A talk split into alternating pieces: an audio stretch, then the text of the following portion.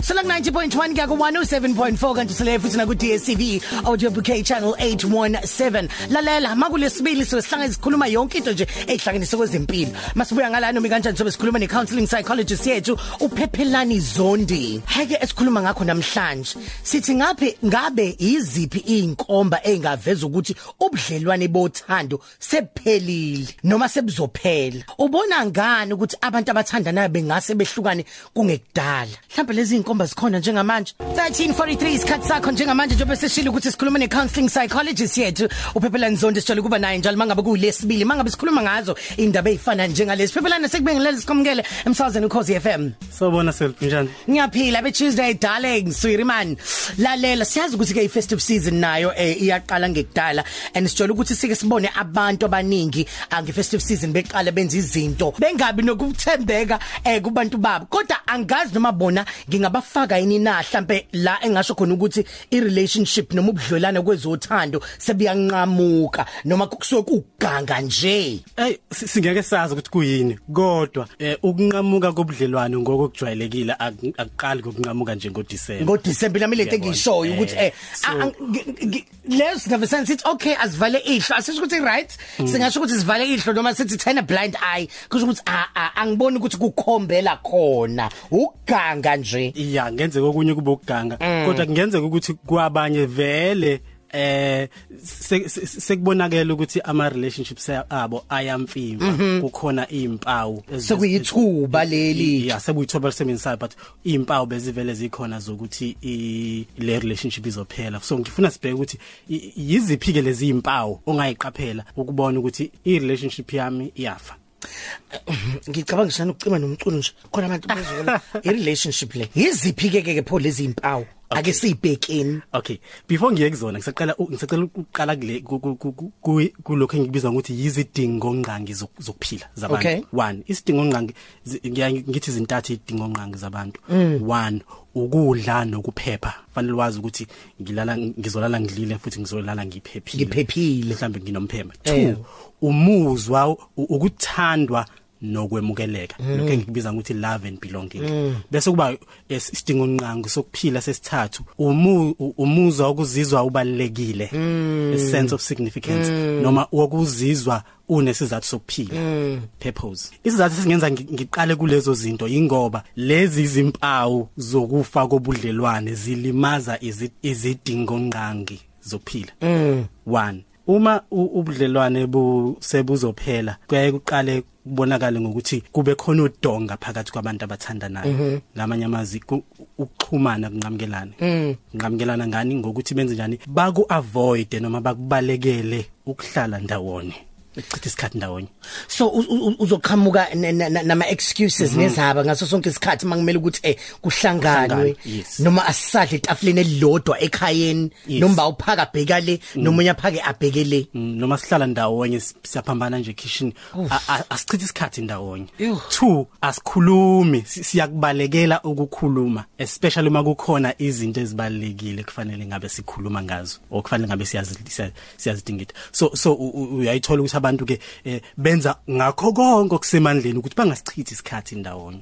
So manje la sibuka eh ukuthi eh, a- a- abantu boba u2 noma mhlawumbe oyedwa kwenza lokhu lo munye uyazama ukuthi eh ngiya- ngiyabona ukuthi mina ngi- khona la eh, engitenga ntenga khona. Ngiyabona ukuthi eh khona la isilonda esimfifa khona ke njengamanje. Kodwa a- ake ngizame and then lo munye yena kayingeni leyo. Yeah, kwe good point uh, weself. Kuyenzeka ukuthi kube yibona babili. Kuyenzeka ukuthi kube oyedwa ozama ukuyihlupha ukuthi hayibo kwenzakalani. Uyabo. So so eh, ukuyibona le le- le le meme ya ya social media eh, ethi isuke isikusiphi stage i relationship uma uma kuthiwa uthuleleni bese lo mute ngibona unthuli. yo So so so kuye- ku- kuyaye kuye a- ba avoid ukukhulumisana. Mm.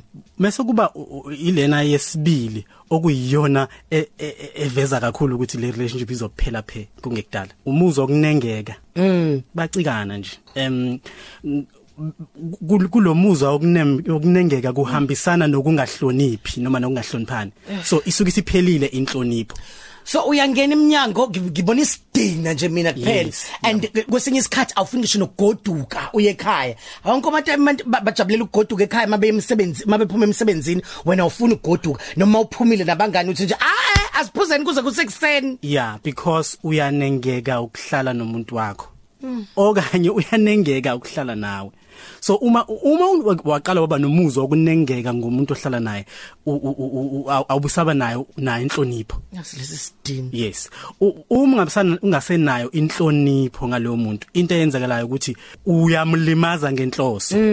Ngama u- usebenzisa amagama athile ukum ukum ukumhlokoloza. Yeah. noma ukumnyukubeza em ngenhloso nje yoku yokumlimaza emoyeni. Yo awuhambi ngani? Awumshiyi ngani? Mayicika ngaleyo ndlela. Eh, well hey kuya kube nzima ayikho into enzima kuma relationships njengoku njengokuvela usuku uhambe nje. Um you know a- a- any topic le yeah yeah. Bese kuthi lena yesithathu ukuthi manikhuluma kuhlale kunokugxekana. Oh A- a- so eh, akekho umuntu oy- oy- oyithathayo iblame kodwa wonke umuntu uyayishiftela ay- ayise komunye umuntu abone ukuthi wena urong engayiboni ukuthi naye unephutha. Mm, mm.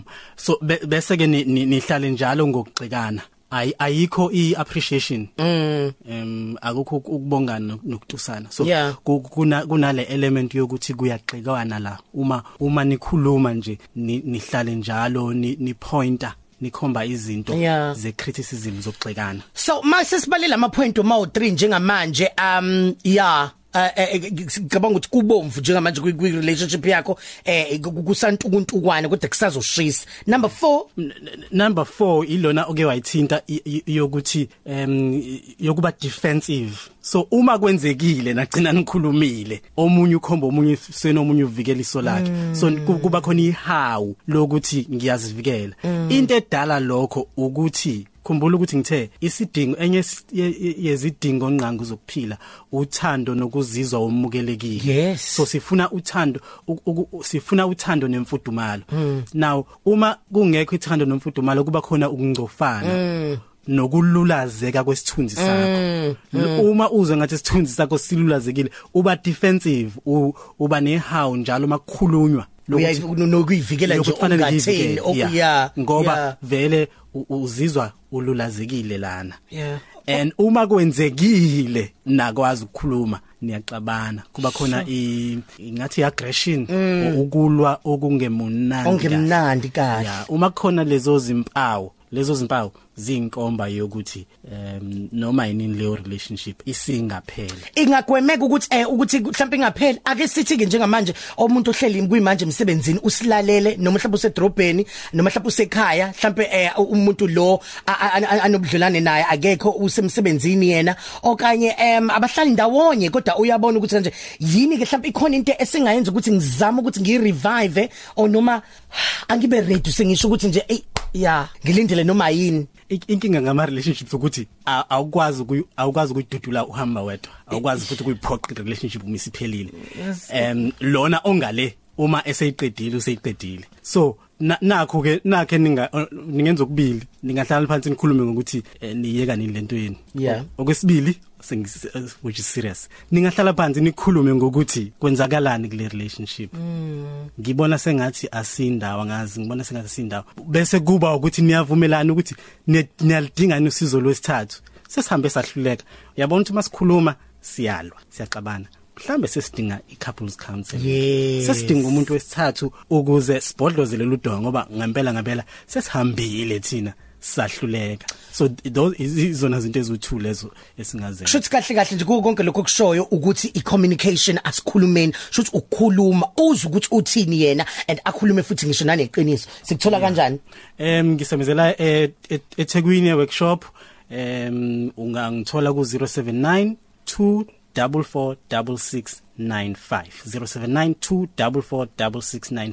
on Facebook Pepelani Zondi counseling psychologist. Sikhuluma noPhephelani Zondi oyeni counseling psychologist. Siyabonga kakhulu uPhephelani bakithi nkosami abantu hey mabona ukuthi akusekho right phuma.